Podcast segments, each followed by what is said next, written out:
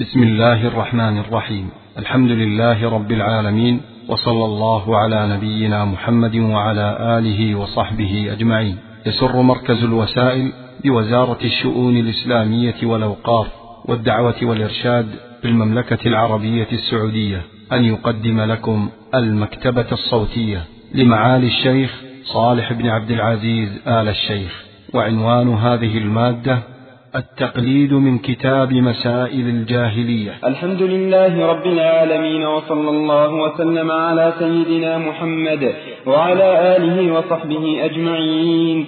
قال شيخ الإسلام والمسلمين مجدد الدعوة والدين الإمام محمد بن عبد الوهاب رحمه الله تعالى رحمة واسعة. المسألة الرابعة أن دينهم مبني على أصول أعظمها التقليد فهو القاعدة الكبرى لجميع الكفار أولهم وآخرهم كما قال تعالى وكذلك ما أرسلنا من قبلك في قرية من نذير إلا قال مترفوها إنا وجدنا آباءنا على أمة وإنا على آثارهم مقتدون. وقال تعالى وإذا قيل لهم اتبعوا ما أنزل الله قالوا بل نتبع قالوا بل نتبع ما وجدنا عليه آباءنا أولو كان الشيطان يدعوهم إلى عذاب السعير فاتاهم بقوله قل إنما أعظكم بواحدة أن تقوموا لله مثنى وفرادا ثم تتفكروا ما بصاحبكم من جنة. الآية وقوله اتبعوا ما أنزل إليكم من ربكم ولا تتبعوا من دونه أولياء قليلا ما تذكرون. بسم الله الرحمن الرحيم. الحمد لله حق حمده وأشهد أن لا إله إلا الله وحده لا شريك له وأشهد أن نبينا محمدا عبد الله ورسوله وخيرته من خلقه وصفيه وخليله صلى الله عليه وعلى آله وصحبه ومن اهتدى بهداهم إلى يوم الدين. أما بعد فهذه المسألة الرابعة من المسائل التي خالف فيها رسول الله صلى الله عليه وسلم أهل الجاهلية. خالفهم في ذلك بقوله وبفعله. وهذه المسألة الرابعة هي أن دينهم مبني على أصول أعظمها التقليد. وهذه الخصلة بل هذا الأصل انبنى عليه غيره من المسائل عندهم. فالأصل هو ما يبنى عليه غيره. كما أن الفرع ما ينبني على غيره. فأهل الجاهلية بنوا على هذا الأصل أشياء متعددة من أمور دينهم. وذلك الأصل هو التقليد. والتقليد أصله في اللغة من جعل القلادة. تقول قلدت البعير أي جعلت على عنقه قلادة أو عقالا أو نحو ذلك. وهو في الاصطلاح قبول قول الغير من غير حجة. قبول القول من غير حجة ولا برهان. فالتقليد يكون بأن تقول ما قال غيرك من دون حجة ولا برهان أو أن تفعل فعله من دون حجة ولا برهان. وأهل الجاهلية كانوا على هذا التقليد في قولهم وفي عملهم. فمن جهة القول قالوا على الله جل وعلا بلا علم. جعلوا مع الله جل وعلا آلهة أخرى وأثبتوا أنها آلهة بقولهم. كذلك قال طائفة من أهل الجاهلية إن عيسى هو ابن الله. وقال آخرون إن عزيرا هو ابن الله. وقال آخرون إن الله جل وعلا تسلب عنه نعوت جلاله وأساميه السامية وصفاته العالية. ونحو ذلك من أنواع الملل والنحل. كذلك من جهة الفعل كانوا يقولون كانوا يفعلون مثل ما فعل من كان قبلهم بحر من قبلهم البحائر فبحروها وسيبوا السوائب فسيبوها اتخذوا آلهة مع الله جل وعلا دعوها واستغاثوا بها وذبحوا لها ففعلوا مثل فعلهم. تبرك من قبلهم بالأحجار والأشجار ففعلوا مثل فعلهم. فهذا هو عين التقليد. إذ إنهم فعلوا مثل ما فعله من قبلهم دون أن يعلموا الحجة. وتخلص من هذا طائفة ممن كان في الجاهلية سموا الحنفاء فلم يقبلوا قيل المشركين ولم يقبلوا أفعالهم بل راموا الحجة والبرهان وخرجوا إلى الدليل فخالفوا أولئك. فسموا, فسموا الحنفاء لأنهم مالوا عن طريق أهل الشرك وتشبهوا بأبيهم إبراهيم عليه السلام. قال جل وعلا في وصف مشركي قريش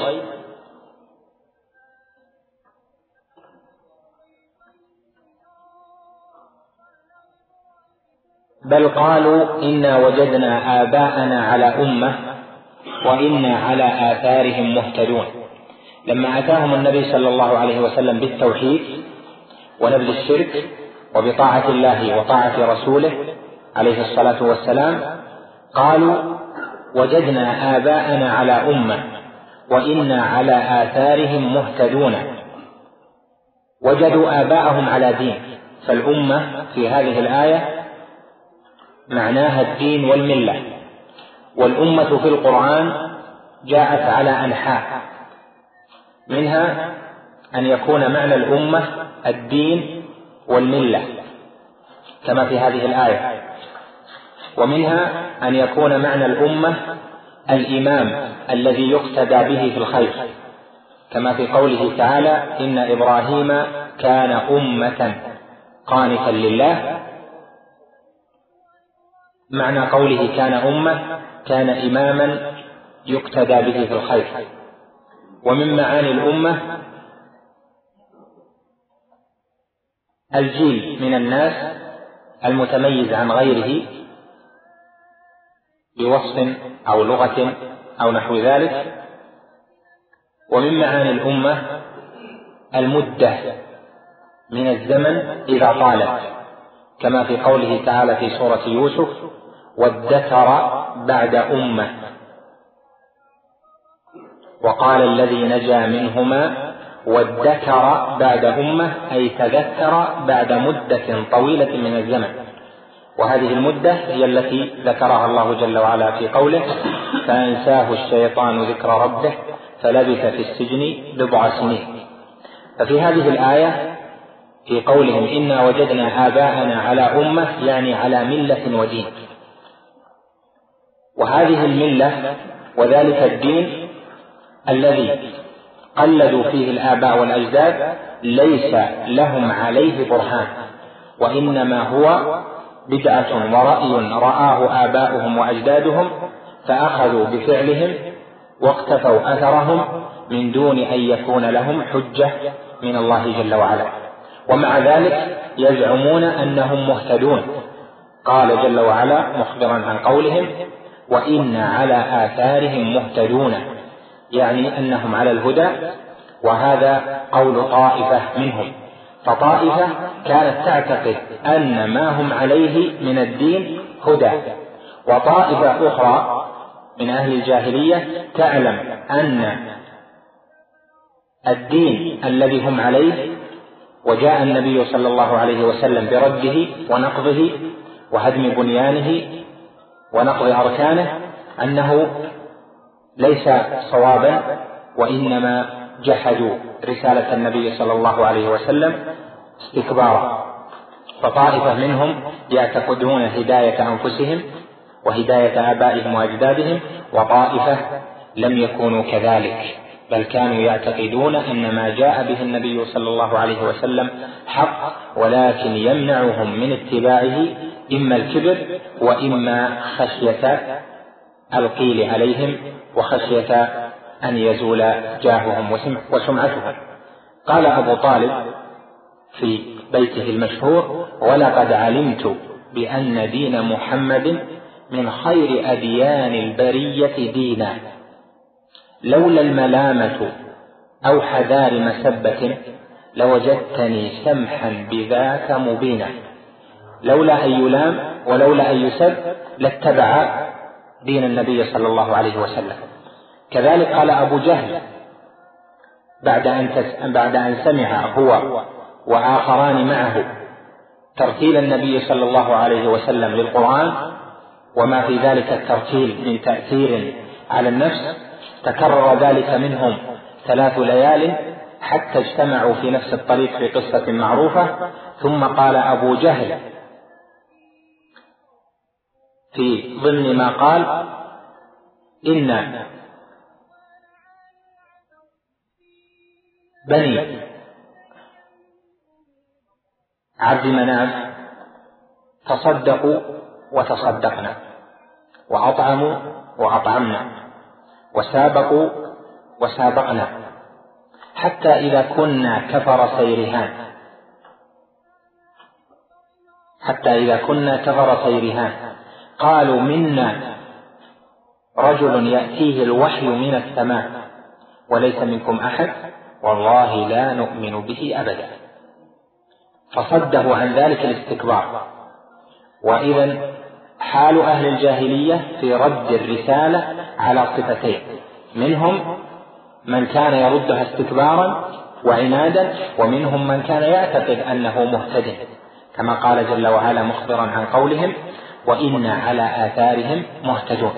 ثم بين جل وعلا أن دين الجاهليين مبني على التقليد بالآية التي استدل بها إمام الدعوة رحمه الله فقال وكذلك ما أرسلنا من قبلك في قرية من نذير إلا قال مترفوها إنا وجدنا آباءنا على أمة وإنا على آثارهم مقتدون.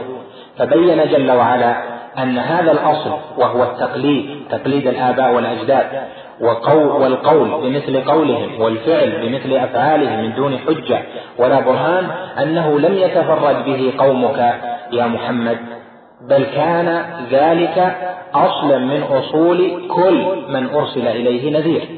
ففي قوله وكذلك ما أرسلنا من قبلك في قرية من نذير هذا عموم بل نص في العموم بأن كل نذير توبه بمثل هذا.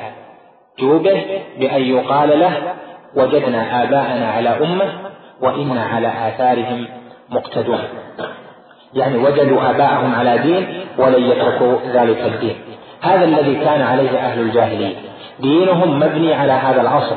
وعن هذا الأصل تفرعت أشياء. منها أنهم ردوا التوحيد ومنها أنهم ردوا الرسالة ومنها أنهم استضعفوا المؤمنين وظلموهم ومنها أنهم أحلوا الحرام وحرموا الحلال اقتداء بآبائهم ومنها وهي الأخيرة أنهم ابتدعوا أشياء وساروا عليها اتباعا لمن كان قبلهم. وهذه الأمور وقعت في هذه الأمة. وهذا هو مراد إمام الدعوة من إيراد هذه المسألة. أن أهل الجاهلية كان دينهم مبنيا على أصول أعظمها التقليد. هذا الداء الذي هو التقليد سرى في هذه الأمة. فأصبح طوائف من الأمة لا يعرفون من الدين ما كان عليه الدليل والبرهان. وإنما ما كان عليه الآباء والأجداد أو ما كان عليه المشايخ أو ما كان عليه المعلمون ونحو ذلك. وهذا وجد في الأمة على وجد في الأمة على أنحاء ووجد في الأمة في طوائف منها. الطائفة الأولى المتكلمون. المتكلمون أخذوا مقلدين بدين اليونان. فإن فلاسفة اليونان سواء كانوا قدماء أو كانوا متوسطين أم كانوا ممن تأثر باليونانيين من أهل الإسكندرية وغيرهم ممن شهروا بأصحاب فلسفة الإشراق وغيرهم هؤلاء قلدهم المتكلمون في أعظم أمر ألا وهو أن الدليل العقلي قاطع وأن الدليل السمعي ظني. فإذا عارض الدليل العقلي الدليل السمعي أبطل الدليل السمعي وأخذ بالدليل العقلي وهذا الأصل أصلوه وجعلوه قانونا عندهم. وبناء على هذا الأصل نفيت الصفات صفات الباري جل وعلا وأولت نعوت جلاله وأولت الأسماء وحرف حرفت النصوص وأبطل القول بالقدر وغير ذلك من المسائل المشهورة. المتكلمون أخذوا بقول اليونان في هذا الأمر. تبعه تبع هذا الأمر وهذا الأصل عندهم أنهم قالوا بأن الغاية قالوا إن الغاية من خلق الجن والإنس أن يعرفوا الله. إن الغاية التي بها يكون الرجل أو يكون المكلف مؤمنا أن يكون عارفا بالله. فصار التوحيد عندهم توحيد الربوبية لا غير. فإذا وحد العبد منهم ربه في ربوبيته صار عندهم موحدا. وهذا التوحيد عندهم تبعوا فيه اليونان بأنه لا بد أن يكون عن نظر. يعني لا يصل المرء عند اليونان إلى الحقيقة أو إلى الحكمة التي هي الفلسفة لا يصل إليها إلا بعد النظر. فطالبوا بالنظر اتباعا أو تقليدا لقول فلاسفة اليونان لأنهم وثقوا بعقولهم مع أن الشرع ناقض لهذا الأصل من أسه. كذلك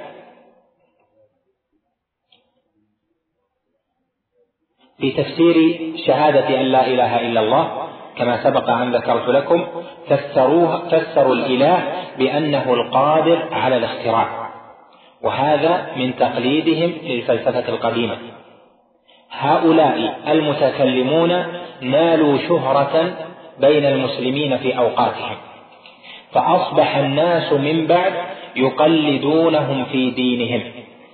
فأصبح الدين الذي هو الاعتقاد أصبح هو ما قاله أولئك المتكلمون. فظهرت الفرق المختلفة وكل فرقة تتبع أقوال أكابرهم وإذا أتيتهم بالأدلة والبراهين التي تنقض دينهم وتنقض أصولهم احتجوا عليك بقول فلان وفلان من أكابرهم. وهذا ظاهر في الملل. والمذاهب المختلفة مثل مثلا المعتزلة مثل الأشاعرة الماتريدية الكرامية الإباضية وغيرهم من الملل أو المذاهب الموجودة. اليوم هؤلاء إذا ناقشت واحدا منهم يحيلك على قول أكابر علماء ذلك المذهب وهذا هو التقليد المذموم. لأنه إذا أتيته بالدليل من الكتاب والسنة رفضه. وإذا أتيته بقول شيخه أو بقول إمامه القريب أو البعيد قبله ثقة منه بفهم إمامه وهو يرفض الدليل والاحتجاج به.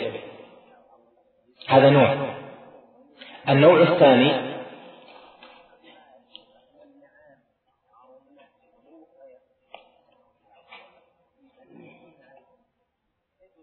ما جرى في الأمة من عبادة غير الله ومن تعظيم المشاهد والقبور والأضرحة ومن البناء عليها حتى سرى ذلك في فئام كثيرة بل وفي أكثر البلاد قبل دعوة الإمام المجدد رحمه الله تعالى.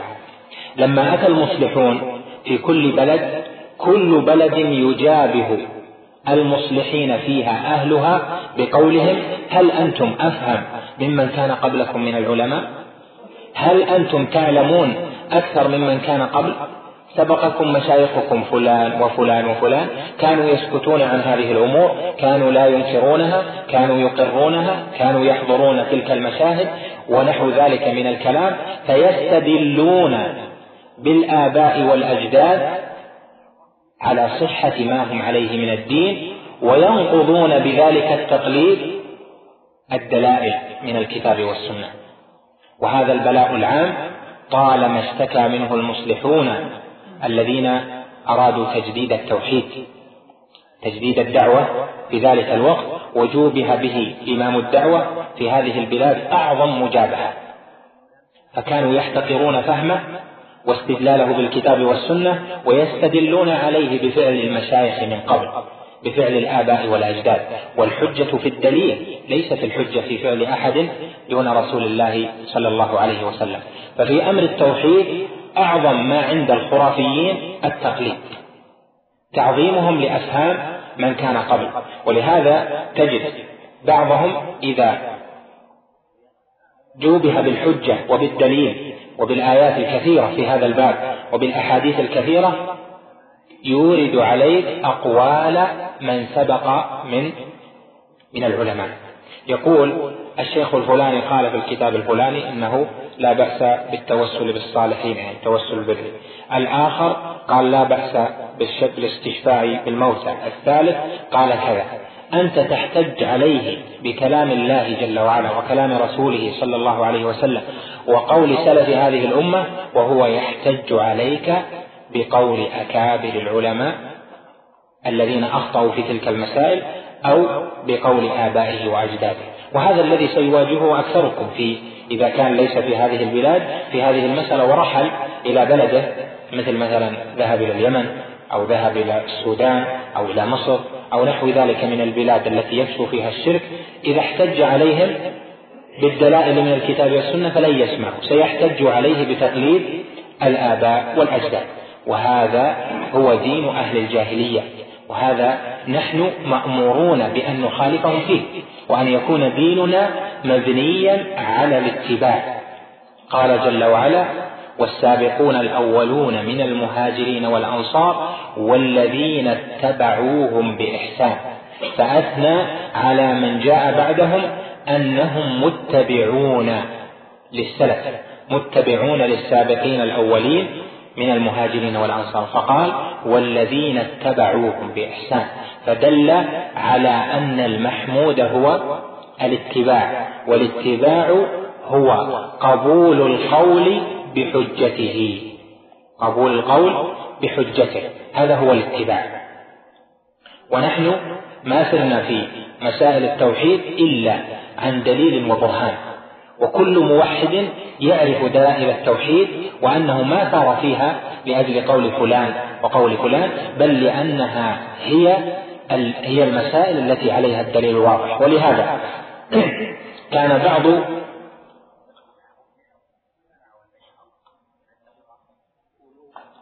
الناس في هذه البلاد لما ناقش في نجد لما ناقش أحد الخرافيين قال له أنتم تقولون بهذا القول لأجل أن ابن عبد الوهاب قاله فأجاب بقول يبين لك أن اتباع الموحدين للتوحيد ليس ليس تقليدا وإنما هو عن دليل واقتناع.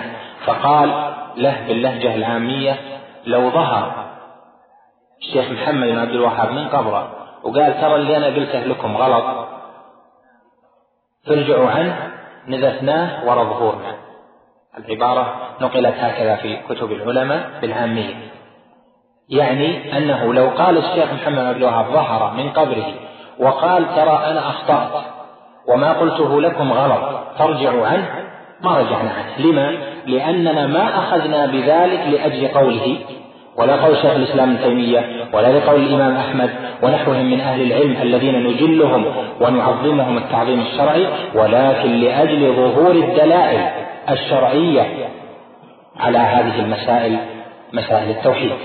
والتوحيد لا يقبل فيه إلا بالدليل يعني أن يكون المرء معتقدا بالدليل. الطائفة الثالثة العباد الذين تعبدوا على جهالات وهؤلاء يمثلهم أصحاب الطرق الصوفية وأصحاب الزهادة ونحو ذلك.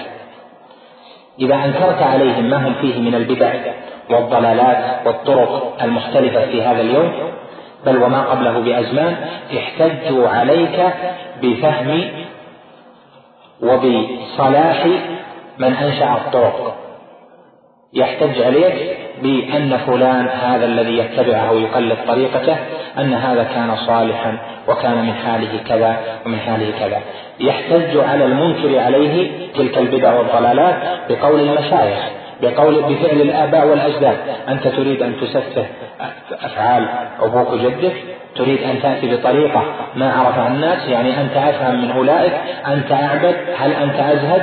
ونحو ذلك من الأقوال التي محصلها الأخذ بدين الجاهلية الذي هو تقليد الآباء والأجداد حيث وصف الله جل وعلا قيلهم بقوله إنا وجدنا آباءنا على أمة وإنا على آثارهم مهتدون. أن وجدنا على آباءنا على ملة ودين ونحن على آثارهم لا يقبلون احتجاجا ولا برهانا وليس لهم على دينهم ذلك حجة ولا برهان. إذا أتيتهم بالدليل من الكتاب والسنة الذي يبطل أفعالهم يبطل بدعهم يبطل صوفياتهم يبطل زهدهم. غير الشرعي ونحو ذلك لم يقبلوا تلك الأدلة وأخذوا بآراء وأفهام من سبقهم من كبراء الطائفة الرابعة هم متعصبو المذاهب.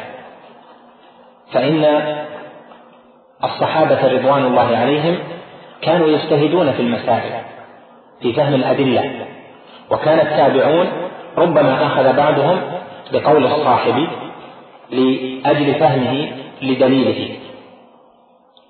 وهكذا حتى ظهر الآئمة المتبوعون الإمام أبو حنيفة النعمان بن ثابت والإمام مالك ابن أنس الأصبحي إمام دار الهجرة والإمام الشافعي أبو عبد الله محمد بن إدريس والإمام أبو عبد الله أحمد بن محمد بن حنبل الشيباني رحمهم الله تعالى وأجزل لهم المثوبة وجزاهم عن الإسلام والمسلمين خير الجزاء نشروا العلم وبينوه وأفتوا. وكان كل واحد منهم ينهى عن تقليده. يعني ينهى عن أن يؤخذ قوله قلادة لا يخرج عنها. بل كانوا يأمرون بأن نقف على ما وقفوا عليه وأن يهتم أهل العلم بالاستدلال كما اهتموا به. وكان كل واحد منهم يقول إذا خالف قولي قول رسول الله صلى الله عليه وسلم فاضربوا بقولي عرض الحائط. يعني جانب الحائط. وذلك لتعظيمهم للكتاب والسنة. أحبهم أتباعهم أحبهم تلاميذهم فتعصبوا لهم. فصار كل مذهب يتعصب لقول إمامه ولا يخرج عنه. إذا أتيته بالدليل بأن قوله وقول أصحابك خالفوا فيه الدليل قالوا لا نحن نأخذ بقول إمامنا. لا بد أن يكون له رأي في هذا الدليل. طيب إذا كان له رأي لكن أنت أنت متعبد بقول النبي صلى الله عليه وسلم وفعله بقول الله تعالى وهو أجل وأعظم أم بقول الإمام؟ لا شك أن أننا مأمورون باتباع الكتاب والسنة.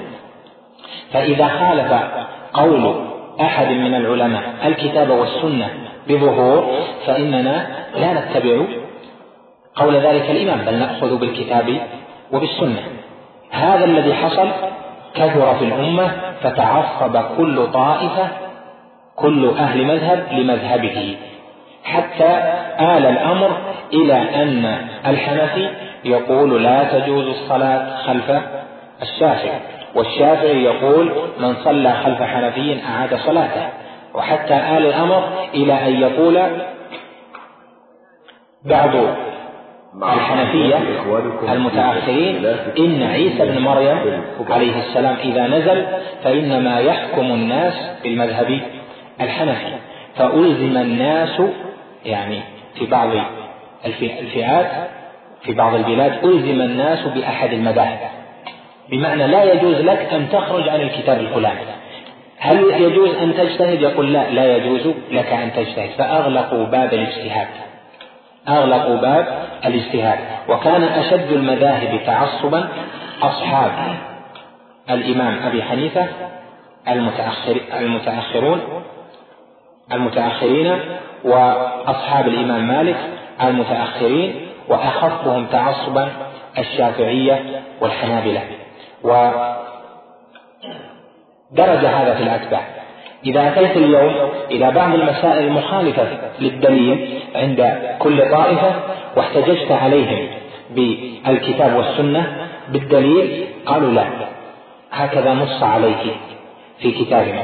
ما في شك أننا نحترم كتب أهل العلم وأئمة المذاهب وأصحاب كل مذهب وكل أحد له أن يكون على أصول عالم من العلماء لكن لا يجوز لأحد أن يعلم دليلا من الكتاب والسنة وهو أهل لأن ينظر فيه ويستدل ويعلم هو وجه الاستدلال ويقول لا آخذ به لأجل قول فلان. وقد اطلع في بعض الكتب تلك المذاهب أنه قال في مسألة وقد قال إمامنا وقد نص إمامنا من المذهب الحنفي على أن الحكم كذا وكذا عهدي من نحو عشر سنين. وثبت في صحيح مسلم أن النبي صلى الله عليه وسلم قال فذكر الحديث وهذا معارض لقول إمامنا فالله أعلم أيهما الصواب. هذا النوع هو التعصب والتقليد الممقوت. هذا النوع هو التعصب والتقليد الممقوت. فيجب على العلماء وعلى طلبة العلم أن يتعلموا العلم ويحرصوا على مواقع الاستدلال إذا فهموا المسائل وفهموا صورها. وليس من التقليد المذموم أن يتعلم المرء منا على وفق أحد المذاهب. نأخذ كتابا من كتب مختصرات الحنابلة ونتعلم ما فيه لأجل أن نفهم صور المسائل ولأجل لو حصل لنا حادثة واحتجنا فيها إلى الحكم فإنك تتعبد بقول علماء أحسن من أن تجتهد رأيك وأنت لست بأهل الاجتهاد. وهذا واقع التفريط فيه من الجهتين. إذا التقليد في المذاهب شره كان قبل هذا الوقت الآن خف لكن قبل كان مستطيرا وكان كل أحد يخالف قول الإمام في بلد من البلدان التي فيها قول ذلك الإمام. متبع يضرب بقوله ويعنف ويحتج عليه. التقليد للمذاهب منه مذموم وهو الذي وصفت ومنه جائز محمود وذلك الجائز له حالتان. الحالة الأولى أن يأخذ العامي أو من لا يستطيع النظر في الأدلة أن يأخذ بقول الإمام لأجل أنه عامي فيقلده بعدم معرفته بالحجة. عامي ما يعرف إذا عرض عليه الدليل ما يفهم موقع الحجة فيه. فهذا يجوز له أن يقلد كما نص عليه أهل العلم. كذلك هذه الحالة الأولى. الحالة الثانية العالم يجوز له أن يقلد من هو عنده أعلم في حالات منها إذا لم يستدل له وجه الحجة من الدليل. تعارضت عنده الأدلة أو دليل ما فهمه فكيف يفتي؟ يأخذ بالقول بقول هذا الإمام لأجل عدم فهمه لموقع الاحتجاج. فثقة بذلك العالم يأخذ بقوله. الحالة الثانية أن يضيق وقت العالم عن الاجتهاد. فإذا, فإذا ضاق وقته عن الاجتهاد جاز له التقليد. يعني أن يكون مثلا في مسألة يحتاج أن يكون له فيها حكم. ما يستطيع أن ينظر فيها ولا أن يبحثها. لأجل الحاجة الملحة يجوز له في ذلك الحال أن يقلد من هو أوثق من هو أعلم منه عنده أو يقلد قول عالم آخر ولو لم تستدل له الحجة. وهذه الأمور نص عليها العلماء في كتب الأصول وفي الكتب التي اعتنت بذكر مسألة التقليد.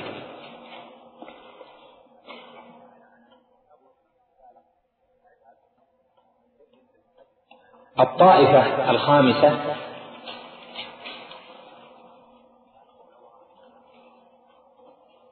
مقلدة الدعاة والدعوات. وهذا تقليد ظهر في هذا القرن بخصوصه وذلك لما كثرت الدعوات المختلفة.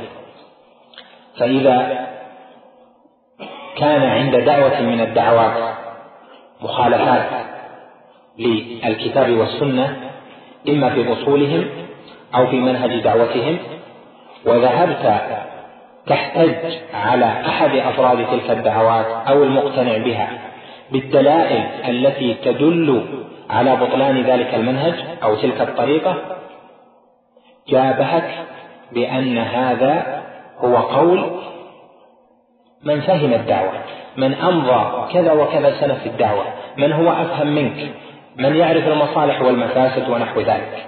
من جنس حجج المقلدين. وهذا نوع من التقليد في أهله وصف قريب مشابه لأهل الجاهلية. لأنه يجب على المرء أن يسمع ويطيع. قال جل وعلا ولو أنهم قالوا سمعنا وأطعنا لكان خيرا لهم. وقال جل وعلا في سورة النور إنما كان قول المؤمنين إذا دعوا إلى الله ورسوله ليحكم بينهم أن يقولوا سمعنا وأطعنا. وقال جل وعلا فلا وربك لا يؤمنون حتى يحكموك فيما شجر بينهم ثم لا يجدوا في أنفسهم حرجا مما قضيت ويسلموا تسليما. والأمر بطاعة الله وطاعة الرسول حام في كل أمر ويدخل في ذلك الدعوة. فإذا كان كذلك كان واجبا على قيادات الدعاة وعلى أفرادهم أن يكونوا مستدلين في أمورهم بالأدلة الشرعية وألا يقلدوا وألا يسيروا وفق ما أن يسيروا في أمور ليس عليها برهان ولا دليل وإنما يسيرون فيها على جهة التقليد. هذا مذموم وأهله يتعللون بالمصالح تارة وبأن من قالها يفهم وأعلم ونحو ذلك من جنس الحجج الأولى. إذا كان قولهم أو فعلهم أو طريقتهم مخالفة للأدلة الشرعية أو لمنهج أهل السنة والجماعة فهذا يرد عليه وتبين لهم الدلائل من الكتاب والسنة. فإذا استكبر منهم مستكبر ولزم التقليد كان مشابها لأوصاف أهل الجاهلية الذين أمرنا بالابتعاد عن سبيله من فروع ذلك التعصب لقول أحد من الكبراء إما كبير في العلم أو كبير في الدعوة ونحو ذلك.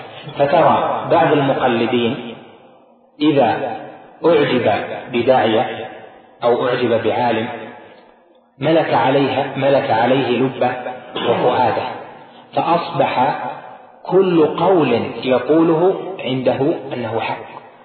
وأصبح كل من يرد ذلك القول عنده أنه على باطل. وهذا من جراء التعصب والتعصب أحد أسباب التقليد.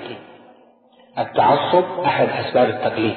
والواجب أن تكون ولاية المؤمن يعني محبته ونصرته لله جل وعلا ولرسوله وأن يكون قول من سوى رسول الله صلى الله عليه وسلم من البشر معروضا على الكتاب والسنة. فالتعصب المذموم بمعنى أن يكون المرء لا يقبل النقاش في قول فلان من الدعاة مثلا أو في فلان من أهل العلم وأنه إذا قاله يجاب إذا قاله إذا قال قولا وقيل له إن هذا الكلام الذي قاله فلان ليس بصحيح جابه بأنك أنت تفهم منه أنت أعلم هذا أمضى كذا وهذا أعلم وأنت ماذا عملت؟ ونحو ذلك من الحجج القديمة. والعلم كما هو معروف يهدي إليه الصغير كما أن الكبير يهدي إليه.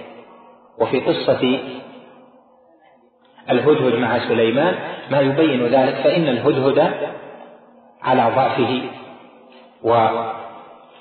وقلة علمه وضحالة بدنه وقلة حيلته أفهم سليمان علما وأخبره بعلم لم يكن عنده وما استكبر سليمان عليه السلام.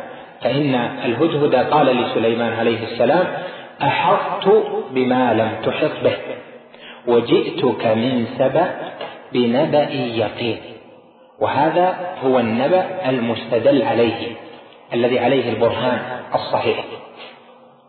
فلما قال له ما قال ماذا قال سليمان؟ قال سننظر. أصدقت أم كنت من الكاذبين؟ يعني سننظر في قولك هل عليه برهان ودليل أم لا؟ وهذا هو الواجب. أن لا يستنكف المرء من أن يستفيد ممن هو أصغر منه أو ممن هو أكبر منه. من باب أولى بل يستفيد من الجميع لأنه ربما يكون عند الصغير علم ليس عند الكبير. فأولئك المتعصبة أولئك المتعصبة يستنكفون أن يرد صغيرا أن يرد صغير على كبير أو أن يذكر الدليل الصغير ولا يكون عند عند الكبير. وهذا لا شك من عدم تعظيم العلم الشرعي. فإن المرء المخبت لله جل وعلا يكون فرحه بالعلم وبفهم نصوص الكتاب والسنة أعظم فرح لو جاءني ممن يصغرني بعشرين ثلاثين سنة أفرح به. لأنه ليس قصدي أو ليس قصد ذلك أن يكون متجبرا. له جاه وله سمعة. لا قصده أن يصل إلى الحق ليتعبد به الله جل وعلا. إذا كان هذا هو القصد سهل عليه أن يقبل من صغير أو كبير. فأولئك المتعصبة والمقلدة لهذا الصنف الخامس وهم دعاة هذا العصر ينبغي يجب عليهم أن يكونوا متحررين عن هذا الوصف من أوصاف التقليد.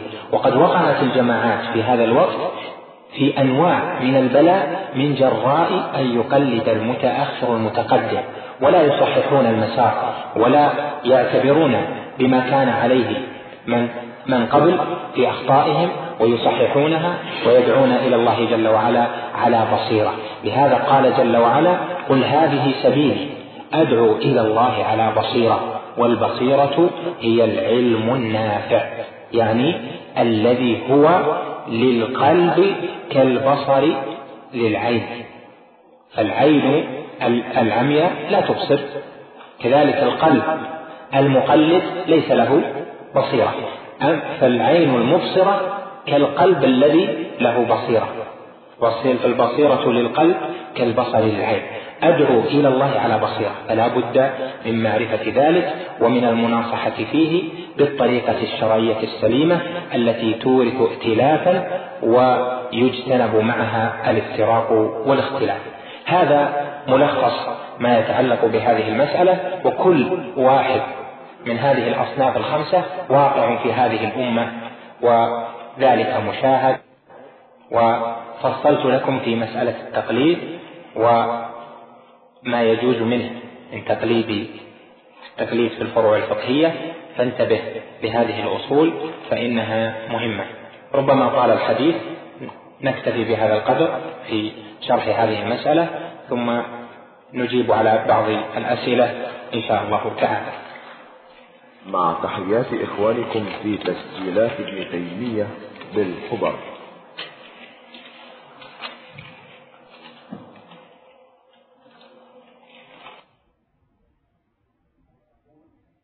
هذا يقول فهمت منكم في الدرس السابق أن من فعل الشرك يطلق عليه لفظ الشرك تعيينا يطلق عليه لفظ المشرك تعيينا ولكن لا يستباح ماله ودمه وعرضه وإنما يعامل معاملة الكفار حتى تقام عليه الحجة الخاصة.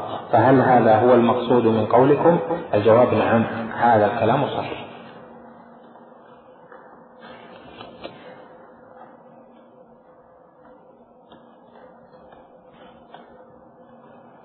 قل ما حكم العام أو الذي لم يكن من طلاب العلم؟ في معرفة الأدلة وتقليد مذهب معين. الجواب أن العام أو من لم يكن عالما عنده آلة الاجتهاد والنظر يسأل من يثق به من أهل العلم. قال جل وعلا فاسألوا أهل الذكر إن كنتم لا تعلمون وهذه الآية وإن كانت نازلة الأمر بسؤال أهل الذكر ممن هم قبل النبي صلى الله عليه وسلم لكنها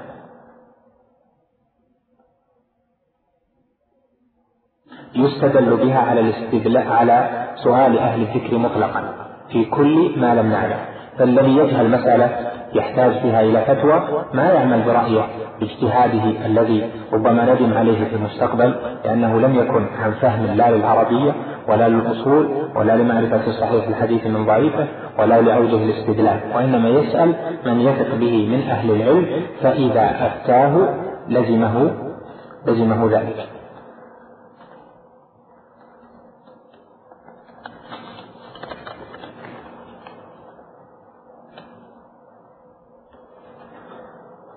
هذا أيضا مثل السؤال السابق أن بعض الطلبة بعض الشباب يقرأ في بعض الكتب ويرجح بعض المسائل وهو لم تتم له آلة الاجتهاد.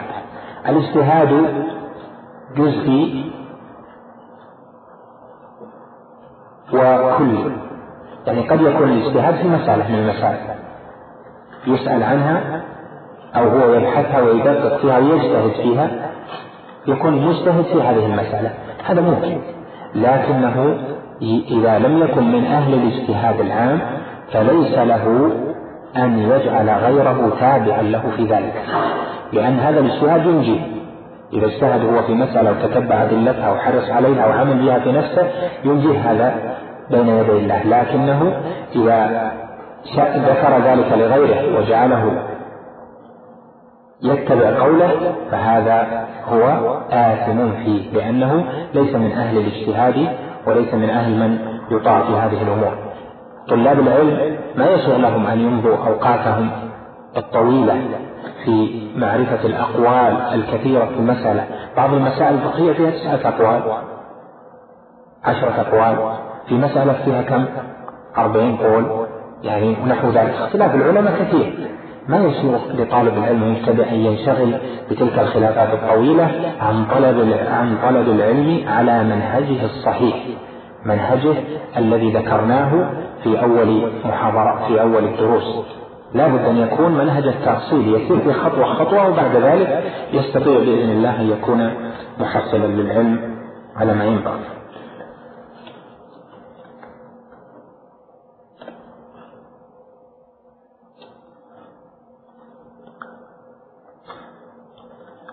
هذا السائل يعني ما أحسن السؤال.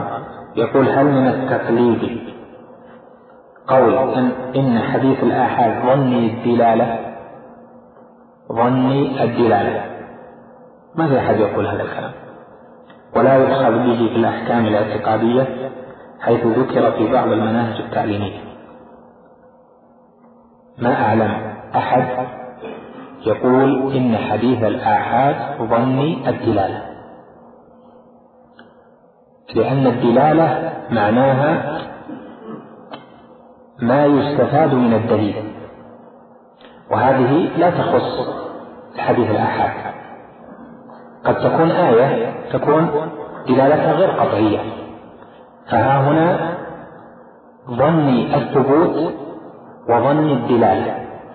وأظنه قصد ظني الثبوت. فحديث الآحاد يقول طائفة إنه ظني الثبوت. يعني لا تجزم أنه ثابت. وهذا صحيح. يعني لا يكون قطعا ثبوته وإنما قطعي الثبوت هو هو المتواتر.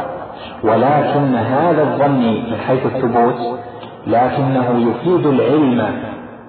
قد يكون العلم اليقيني وقد يكون ما هو دون ذلك. وهذا العلم يجب العمل به. بدون تفريق. فإذا صح الحديث ولو كان آحادا يعني صح أو كان حسنا وجب العمل به. والعمل به إما باتباع ما جاء فيه في الأحكام يعني في الأمر والنهي أو باعتقاد ما جاء فيه في أبواب أبواب الاعتقاد. حديث الآحاد يؤخذ به في العقيدة.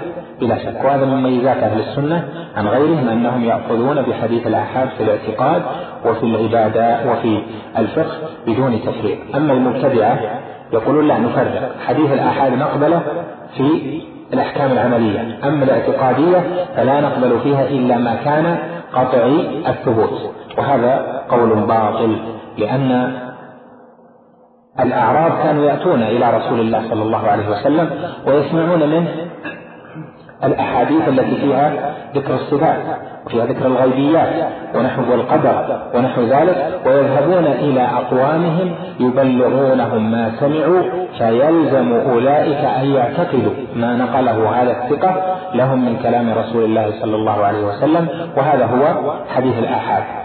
وكذلك في الأحكام العملية ظاهر أنه يقبل حديث الآحاد ويعمل به سواء كان الحديث صحيحا أو كان حسنا. السؤال الثاني.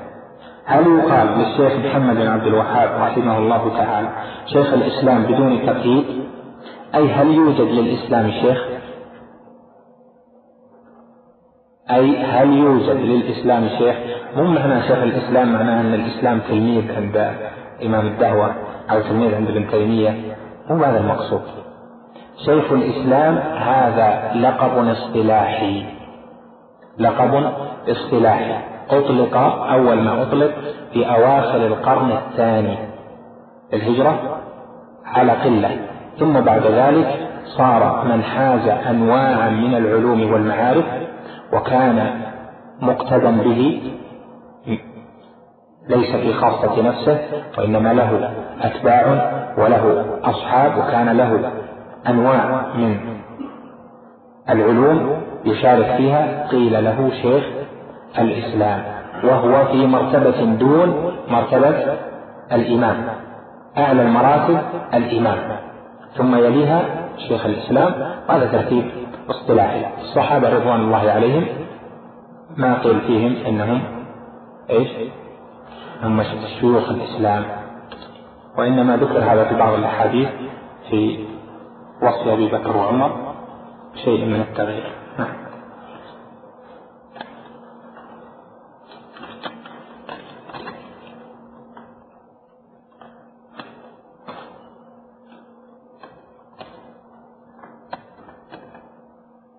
هذه أسئلة متقاربة. عن الاجتهاد في المسائل الفقهية.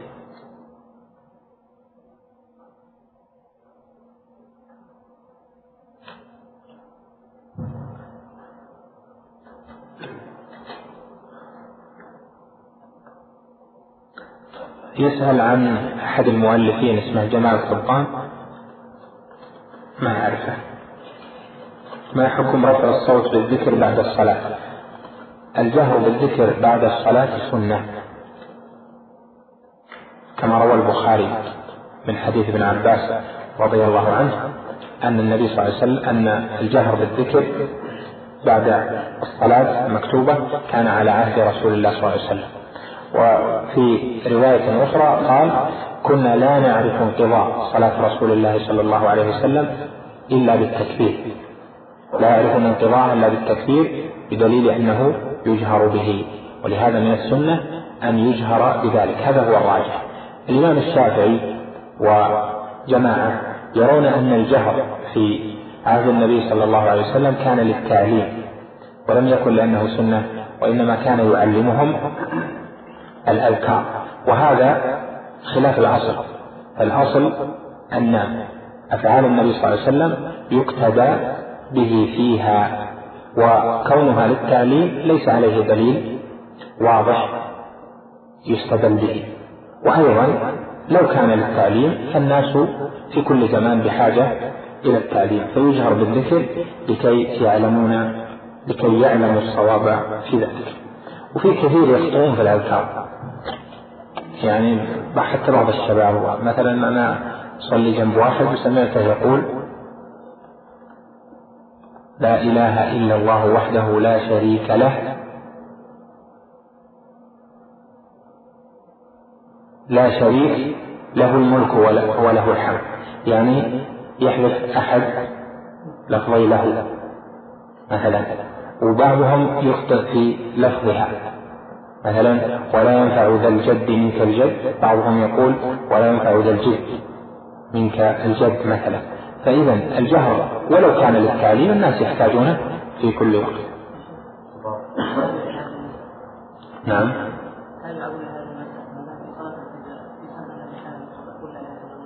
عشر مرات بعض المناطق رأيت يكون الإمام يعني يقرؤون هو الإمام يقول لا إله إلا الله نعم لا إله هذا بدعة يعني ذكر جماعي إذا كان الذكر جماعيا فهو بدعة. هذا السؤال جيد يقول أخشى من الكلام في مسألة التقليد أن تسبب حدود فعل عند بعض الشباب بحيث إنهم يفرون من التقليد خصوصا في مسائل الدعوة إلى الاستقلال بآرائهم. فما رأيكم؟ هذا سؤال جيد. تنبيه طيب جزاه الله خيرا. وهذا صحيح. ينبغي أن ينبه عليه. فإن الواجب على الشاب ألا يجعل عنده ثقة برأيه بل يسأل أهل العلم خاصة في مثل مسائل مشتبهة. يسأل أهل العلم الموثوقين الراسخين في العلم الذين عرفوا العلم وعرفوا غيره من هذه المسائل. يسألهم فإذا أجابوه يعتقد كلامهم ويلتزم بقولهم أما أن يكون هو يفر من شيء فيقع في الاجتهاد هذا يحدث بلبلة مثل ما حصل في بعض البلاد الإسلامية كما هو معروف. يأتي واحد ينتقد مثلا فئة ينتقد أصحاب له ثم هو يتبنى رأي وينشأ مع جماعة أخرى ونحو ذلك. وهذا كله تفرق وتفريق عن دين الله. إذ الواجب أن يكون الناس تبعا لعلمائهم. يقولون بما قالوا وإذا أشكل عليهم شيء أن يسألوه. هذا هو المنجي. أما غيره فيلحقه من النقص بقدر ما يفرط فيه من ذلك. هذا أيضا هذا أيضا سؤال جيد. يقول ما رأي فضيلتكم في مدلول كلمة التعصب للسلفية؟ اسما ومنهجا. إذا كان ذلك تمييزا لها عن الدعوات الأخرى وتمييزا لها عن أهل البدع والشرك. الجواب أن السلفية هذا ذكرته لكم في العام الماضي في شرح فضل الإسلام السلفية اسم لجماعة واسم لمنهج. التعصب للمنهج بمعنى الأخذ به منهج أهل السنة والجماعة والمنهج السلفي واعتقاد ذلك والمحبة فيه والبغض فيه هذا واجب لأنه هو المنهج الحق كما قال جل وعلا والسابقون الأولون من المهاجرين والأنصار والذين اتبعوهم بإحسان فأثنى على من جاء بعدهم بأنه متبع لسلف هذه الأمة وهم الصحابة. فإذا كان هذا من جهة المنهج يعني العقيدة فهذا متعين ولا بد منه. القسم الثاني أن يكون يعنى بالسلفية جماعة معينة مثل ما هو في بعض البلاد الإسلامية يقال هذه الجماعة السلفية ونحو ذلك. فهذا التعصب لهذا الاسم لهذا الاسم الدال على الجماعة وليس تعصبا للمنهج أو ليس حرصا على المنهج وإنما لهذا الاسم فهذا من جنس التعصب للأسماء الأخر التي يحدثها الناس. قد يكون قد يكون مأذونا به وقد لا يكون. مثالا مثلا في بعض البلاد بعض البلاد الإسلامية في الخليج مثلا تجد أن فلان يكون منهجه عقيدة السلفية ومنهج السلفي لكنه لا يقر الدخول في الجماعات. فلا يدخل في الجماعة السلفية المسماة بالجماعة السلفية. من هم في داخل تلك الجماعة؟ يعادونه. ليش؟ لأنه منظم لها. ويقولون هذا فرع وربما نبذوه ببعض الألقاب كما هو معروف يمكن لدى كثيرين منكم. ليس واجبا عليه بل قد يكون ليس مستحبا له أن يكون ملتزما بفئة إنما الذي يجب عليه أن يكون ملتزما بالمنهج السلفي. أما أن تجعل هذه الأسماء يوالى ويعادى فيها يوالى ويعادى فيها لأجل الاسم لأجل الاسم وهذا الاسم ليس اسما دالا على بدع أو على فكر بدعي أو على فكر مخالف لمنهج أهل السنة والجماعة فهذا لا شك أن ذلك من ما يحدث التفرق والتعصب المذموم. أما الأسماء أسماء الفرق والفئات التي هي في أسمائها مخالفة لمنهج أهل السنة والجماعة فهذا ما في شك أنه يعاد على الاسم مثل الخوارج المعتزلة والرافضة والصوفية ونحو ذلك. أما الأسماء الأخر فلا يجوز أن يجعل أحد أن يجعل أحد اسم لا يعنى به. الأسماء الواردة في الشرع الكتاب والسنة ثم يجعل الناس يوالون ويعادون عليه يحبون فيه ويبغضون فيه. وهذا البلاء به عام. والحمد لله في هذه البلاد الذين يلتزمون بالمنهج السلفي ليس عندهم مثل تلك الأمور التي ربما كانت في بلاد أخرى.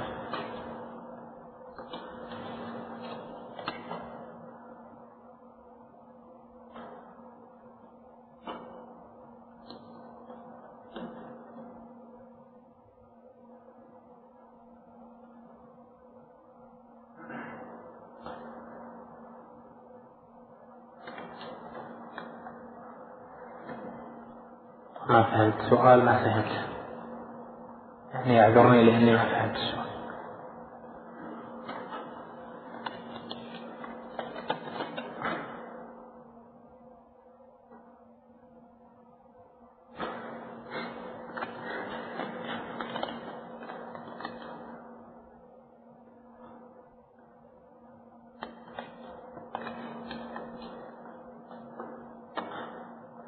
يقول ما رأيك في من يقول إن الشيخ محمد بن عبد الوهاب فيه نوع تقليد للمذهب وأنه ليس سلفي المنهج وإن كان سلفي الاعتقاد؟ هذا قول باطل ولا شك ومن قال بمثل هذا الكلام ما يعرف الشيخ محمد بن عبد الوهاب ولا يعرف الدعوة بلا إشكال ما يعرفها حق المعرفة. ربما اطلع على الكتب المشهورة للشيخ كتاب التوحيد بعض الكتب وما درس دعوة الشيخ ولا رسائله ولا مؤلفاته. مما وقع بينه وبين الفقهاء في وقته أنه يدعو إلى نبذ التقليد والتعصب للمذاهب. حتى إنه قال للشيخ عبد الله بن محمد بن عبد اللطيف الاحسائي في وقته قال له في رسالة مشهورة مهمة فيها أنواع من العلوم قال فيه وأكثر عبارة مشهورة قال وأكثر ما في الإقناع والمنتهى مخالف لقول أحمد ونصه. والشيخ محمد خرج عن المذهب في مسائل كثيرة جدا كثيرة جدا واتبع الدليل. بل إن تلامذته والاعتناء بالدليل في هذه البلاد إنما كان ثمرة من ثمرات دعوة الشيخ محمد رحمه الله. لأنه كان في نجد كان ما عندهم إلا قول مذهب. انظروا المؤلفات اللي قبل الدعوة. قبل الدعوة شوف المؤلفات. قال الوهاب تجد أنه قال فلان وقال فلان ليس فيها نوع استدلال. أما بعد الدعوة فتجد أن المؤلفات كلها مشحونة بالأدلة سواء في الفقه أو في العقائد. فهذه الكلمة إنما هي كلمة من لم يدرس الدعوة ولم يعرف حقيقتها. هذا السؤال هو الأخير.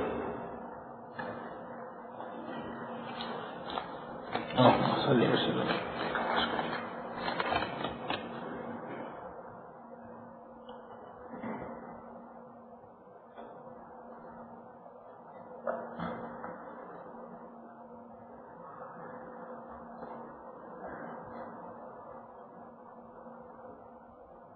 الله يجزاك خيرا يقول هناك بعض غلاة الصوفية وشيوخهم.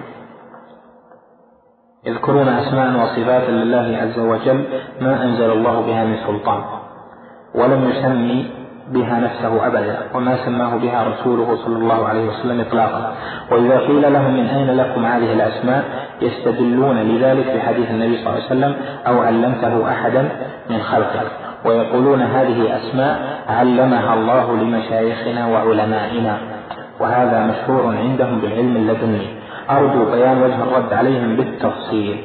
تفصيل ما يحتمله مثل هذا المقام. أن هذه لها مقدمات ولها فروع وأدلة. لكن في قول الله تعالى وعلمناه من لدنا علما. من لدنا يعني علم من الله جل وعلا. الصوفية يقولون بأنه يحصل لأوليائهم الخاصة منهم الكشف. والكشف عندهم يكون نتيجة رؤية وتلقي للعلم. ومنه قول رابعة العدوية في شعرها المشهور تقول مخاطبة الله جل وعلا أحبك حبين حب الهوى. وحبا لأنك أهل لذاك. وأما الذي هو حب الهوى فشغلي بذكرك عمن سواك. وأما الذي أنت أهل له فكشفك للحجب حتى أراك. هذا نوع. يقول يصل إلى أن تكشف له الحجب الحجب التي هي حجاب الله النور حتى يرى الله جل وعلا في هذه الدنيا عيانا. بل إن بعضهم يذكر نصا إنه رأى وكلمه وقال له. وكان عبد القادر الجيلاني المعروف وهو ممن جعل أصحابه بعده له طريقة تسمى القادرية. هو أحد الحنابلة والصلحاء يمدح شيخ الإسلام وغيره. كان مرة عرض له شيطان فتصور بصورة وقال أنا ربك. يعني عندهم هالمبدأ. ظن أن عبد القادر سيظل مثل ما أظل ذلك الشيطان غيره. قال فتلا عليه آية الكرسي. يقول عبد القادر فتلوت عليه آية الكرسي فساخ. هذا من فقه. غيره منهم يأتي له الشيطان ويقول له أنا ربك. يأمره وينهى يحل له المحرمات. يحرم عليه الطيبات ويطيعه على أنه على أنه الله جل وعلا. هذا من جهة المكاشفة. من جهة تلقي الكلام صنف ابن عربي رسالة فيها الأحاديث الإلهية التي يرويها هو مباشرة عن عن جبريل أو عن عن الله جل وعلا مباشرة. يعني حجة يرويها. قال قال الله تعالى قال الله تعالى قال الله تعالى. وهذا من فروعه عندهم يعني تلقي هذا العلم إما بكشف علمي أو بكشف بصري من فروعه أن يعلم إما شفاها وإما إلهاما بأن يلقى في المكشوف له أن يعلم أشياء من العلم لا يعلمها غيره. هذه الأشياء منها الأسماء والصفات التي ذكرها السائل. والجواب والجواب أن الله جل جلاله سمى نفسه بأسماء ووصف نفسه بصفات الكتاب والسنة ووصفه بها رسوله صلى الله عليه وسلم. والصحابة رضوان الله عليهم أكمل الناس في الولاية يعني في محبة الله جل وعلا في ولايتهم لله وفي ولاية الله لهم. ومع ذلك لم يأتي أن أحدا منهم زاد اسما من الأسماء أو وصفا من الصفات. فهذا دليل مبدئي قطعي على أن معنى قول النبي صلى الله عليه وسلم أو علمته أحدا من خلقك اللهم إني أسألك بكل اسم هو لك سميت به نفسك أو أنزلته في كتابك أو علمته أحدا من خلقك أو استأثرت به في علم الغيب عندك أن هناك من الأسماء ما ليس في القرآن. من الأسماء ما ليس في القرآن. هذا ظاهر الدليل. وهذا صحيح. فإن هناك في السنة أسماء لله جل وعلا. سمى النبي صلى الله عليه وسلم بها الله. لأنها وحي من الله لم ترد في القرآن فيكون معنى الحديث. أو علمته أحدا من خلقك يعني النبي صلى الله عليه وسلم. فيكون المراد ما علمته سابقا أو ما ستعلمه للنبي صلى الله عليه وسلم لاحقا. وقد يكون هناك أسماء علم بها النبي صلى الله عليه وسلم فأظهرها وهناك أسماء لم يظهرها. يعني قد يكون هناك أسماء لله جل وعلا اكتفى بها عليه الصلاة والسلام يعني كانت له خصيصة له عليه الصلاة والسلام. قد يكون ذلك. وهذا مما يقضي على ما أصله الصوفية في الرد. ويكون استدلالهم بهذا الحديث باطلا. وأيضا يكون أن الصحابة نقول إن الصحابة رضوان الله عليهم أجمعين لم يزد واحد منهم اسما على ما جاء في الكتاب والسنة وإنما تلقوا ما جاء في الكتاب والسنة فهذا دليل قطعي فإذا كان هذا السائل يقول إن أولئك قالوا عن أنفسهم أنهم أكمل من الصحابة فهذا يرد عليهم بأنه ليس أحد أفضل من الصحابة. فإذا كان ذلك كذلك فلا يخص علم بمن هو دون في الفضل بمن هو دون في الفضل ويترك من هو أفضل علما وإيمانا. ولهذا فإن أولئك الصوفية الغلاة يذكرون أسماء وصفات وأحوال هي من وحي الشياطين وليست من عند الله جل وعلا فالعلم هو ما كان عن الله جل وعلا وعن رسوله صلى الله عليه وسلم. أسأل الله جل وعلا لي ولكم الثبات. مع تحيات مركز الوسائل بوزارة الشؤون الإسلامية والأوقاف. والدعوة والإرشاد بالمملكة العربية السعودية.